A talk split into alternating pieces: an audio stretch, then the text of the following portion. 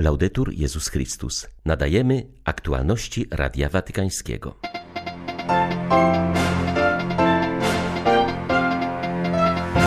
Czułość, współczucie i bliskość to słowa, w których wyraża się postawa Boga względem człowieka. Tym samym powinni kierować się ci, którzy pomagają bliźnim, mówił papież, przyjmując działaczy Ośrodka Solidarności z Florencji. Nie ma dwóch papieży, papież jest tylko jeden, przypomina Benedykt XVI w wywiadzie dla włoskiego dziennika Corriere della Sera. Łaciński episkopat na Ukrainie reaguje na kryzys kościoła w Niemczech, sprzeciwia się błogosławieniu par jednopłciowych i wzywa do modlitwy za tamtejszych biskupów. 1 marca witają Państwa ksiądz Krzysztof Ołdakowski i Łukasz Sośniak. Zapraszamy na serwis informacyjny. Nasz świat rozwija się według dwóch prędkości, produkuje bogactwa, ale zarazem rodzi nierówności. Wy jesteście w tym świecie skutecznym dziełem pomocy opartym na wolontariacie i spojrzeniu wiary.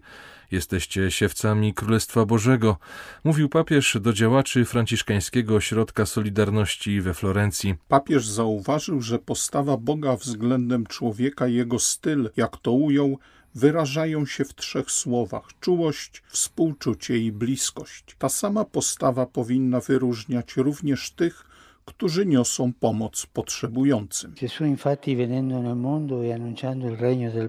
Przychodząc na świat i głosząc Królestwo Ojca, Jezus zbliżał się ze współczuciem do ludzkich ran.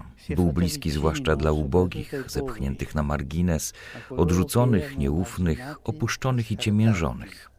Pamiętajmy o Jego słowach. Byłem głodny, a daliście mi jeść.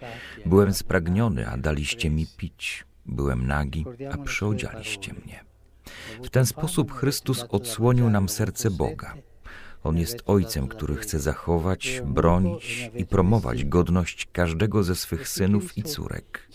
I wzywa nas do takiego kształtowania warunków ludzkich, społecznych i gospodarczych, aby nikt nie był wykluczony, by niczyje prawa podstawowe nie były deptane, by nikt nie musiał cierpieć z powodu braku chleba materialnego czy z powodu samotności. W waszym dziele inspirujecie się jasnym świadectwem świętego Franciszka z Asyżu, Starając się naśladować jego przykład, od niemal 40 lat wypełniacie tę posługę, która jest konkretnym znakiem nadziei, a zarazem znakiem sprzeciwu w zabieganym życiu miasta, gdzie tak wielu ludzi jest pozostawionych samym sobie ze swym ubóstwem i cierpieniem. Jest to znak, który budzi uśpione sumienia i zachęca do wyjścia z obojętności, do współczucia dla zranionych, do pochylenia się z czułością nad tym, kto jest przygnieciony ciężarem życia.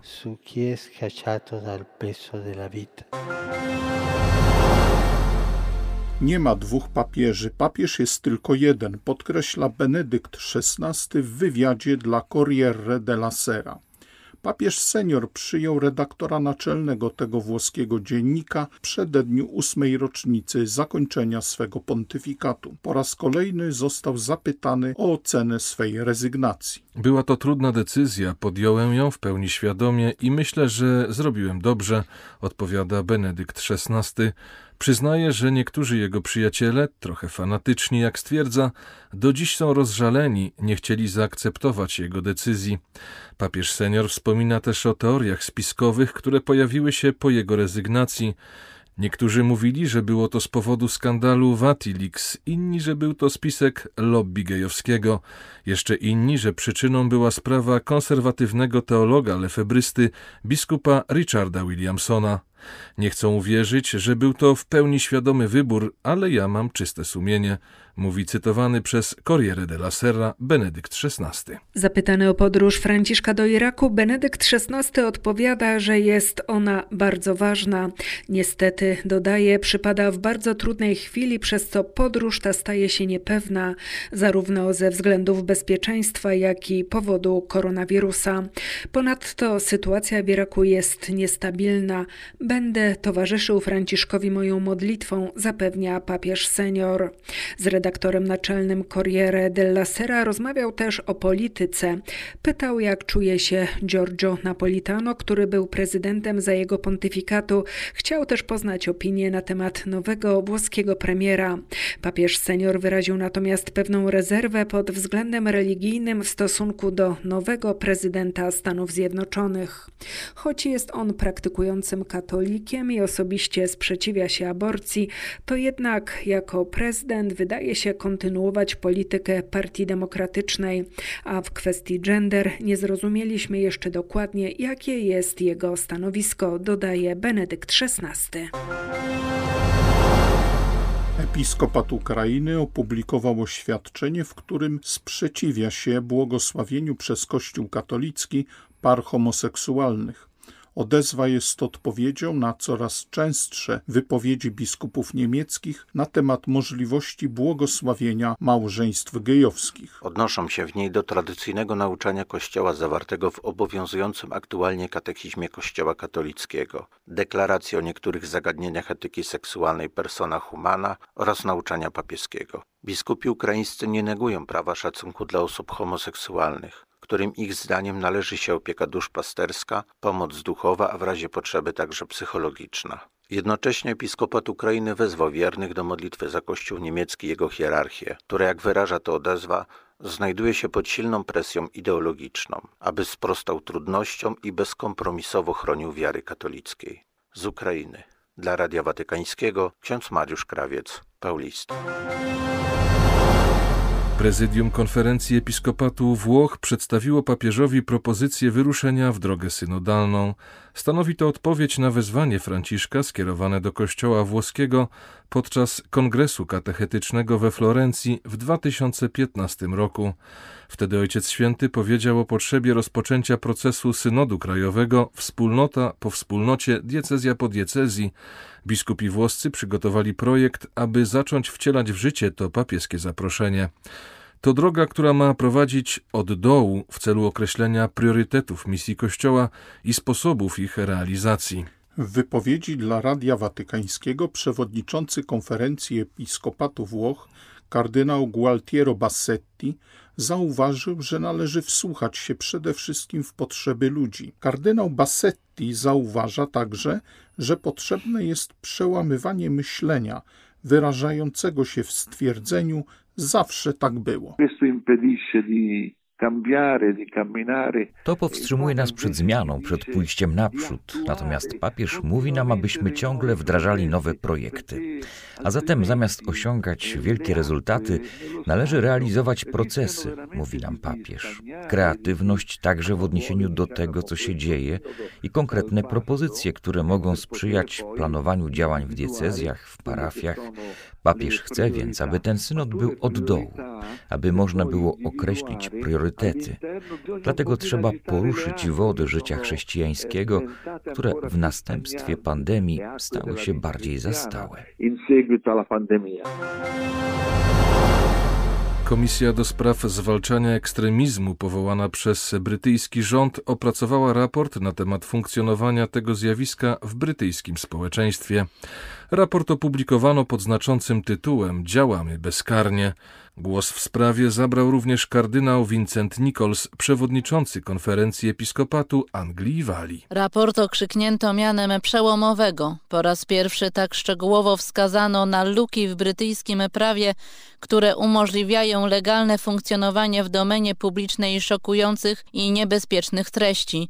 Odnosząc się do tej sprawy, kardynał Nichols między innymi napisał – Ekstremizm jest niebezpieczeństwem, dlatego musimy współpracować, aby zapewnić jednoznaczne prawodawstwo, które nie tylko karze i zapobiega rozpowszechnianiu, ale w równym stopniu chroni tych, którzy go doświadczają. Raport Komisji do spraw zwalczania ekstremizmu stanowi istotny wkład w najważniejszą kwestię. Pojawienie się nienawistnego ekstremizmu nie tylko poprzez wykorzystanie mediów społecznościowych jest poważnym problemem i wymaga nieustannych wysiłków wszystkich, którym leży na sercu nasze wspólne dobro. W swoim wystąpieniu kardynał Nichols położył również nacisk na niezbywalną kwestię wolności religii i słowa. Jak stwierdził, aby wolność religii i wolność słowa miały znaczenie, muszą dysponować prawem do wyrażania opinii sprzecznych z panującym konsensusem kulturowym. Zarazem, jak zauważył arcybiskup Westminsteru, wyrażanie tych opinii musi być wolne od popierania lub proponowania nienawiści lub przemocy. Dla Radia Watykańskiego Elżbieta Sobolewska-Farbotko, Radio Bobola, Londyn głód, brak bezpieczeństwa i pogłębiająca się beznadzieja. Tak sytuację w Jemenie opisuje biskup Paul Hinder, który jest wikariuszem apostolskim dla Arabii Południowej. Dziś w Genewie odbywa się ONZ-owska konferencja państw darczyńców. Związane z nią oczekiwania są bardzo duże, ponieważ w ubiegłym roku na pomoc dla Jemenu udało się zebrać zaledwie połowę potrzebnych środków. 80% Jemeńczyków potrzebuje pilnego wsparcia żywnościowego i medycznego. Jesteśmy jedną nogą w grobie. Problemem jest niekończąca się wojna, powszechny głód i dodatkowo jeszcze susza, która sprawia, że ziemia nic nie urodzi, mówi Radiu Watykańskiemu biskup Hinder. Przede wszystkim brakuje nam żywności, są ogromne braki w służbie zdrowia. Nie można też zapominać o edukacji. Trwająca sześć lat wojna zrujnowała kraj i odcisnęła tragiczne piętno na przyszłości. W tej sytuacji trudno nawet mówić, jakie wezwania są najważniejsze. Bez wątpienia jednak ludzie potrzebują żywności i leków, bo bez tego będą umierać. Jemeńczycy marzą o przywróceniu im choćby minimum godnego życia. Niestety perspektywa pokoju wydaje się być bardzo odległa. Nikt nikomu nie ufa, a bez tego niemożliwe jest wypracowanie zawieszenia broni i trwałego pokoju. Bez porozumienia politycznego wojna będzie trwała, a sytuacje destabilizacji będą wykorzystywać także siły zewnętrzne. Nasza ojczyzna jest na skraju upadku, naród się rozpada, musimy zrobić wszystko, co w naszej mocy, aby go ratować. Czytamy w komunikacie nigeryjskiego episkopatu, który ukazał się na krótko po porwaniu 317 dziewcząt ze szkoły Wiangebe w północno-zachodniej części kraju. Biskupi podkreślają, że stawką jest przetrwanie narodu, absolutny brak bezpieczeństwa, codzienne porwania i morderstwa, napady z bronią w ręku oraz powszechny bandytyzm. To wszystko doprowadza ludzi do rozpaczy i budzi wrażenie, że rządzący nie potrafią albo nie chcą podjąć odpowiedzialności wynikającej z pełnionego przez nich urzędu, czytamy w oświadczeniu. Zdaniem episkopatu sytuacja ta może doprowadzić do rozpadu Nigerii, ponieważ przywódcy plemienni nie wierzą już w zapewnienia władz. Żądają coraz większej autonomii militarnej w celu obrony lokalnych wspólnot. Niektórzy mówią nawet o opuszczeniu struktur państwa, do którego utracili zaufanie. Afrykańscy jezuici zaapelowali do przedstawicieli Stanów Zjednoczonych, Niemiec i Unii Europejskiej o tymczasowe zawieszenie patentów i praw własności intelektualnej szczepionek na koronawirusa oraz testów i leków przydatnych w walce z COVID-19. Konferencja jezuitów Afryki i Madagaskaru opublikowała oświadczenie, w którym zaznacza, że inicjatywa ta może uratować miliony istnień ludzkich. Zdaniem jezuitów stanowisko krajów takich jak Niemcy, które nadal pozostają obojętne wobec idei tymczasowego odstępstwa od praw patentowych, przyczynia się do pogłębienia globalnego kryzysu nieufności. Podkreślają, że skutki pandemii w biednych krajach są niszczycielskie, a brak interwencji grozi reperkusjami dla całej ludzkości. Im dłużej wirus będzie krążył wśród niezaszczepionych społeczeństw, tym większe prawdopodobieństwo pojawienia się nieznanych mutacji, które mogą zaszkodzić również krajom zaszczepionym, także tym, które sprzeciwiają się zawieszeniu patentów, czytamy w oświadczeniu afrykańskich przełożonych Towarzystwa Jezusowego. Były to aktualności Radia Watykańskiego. Laudetur Jezus Chrystus.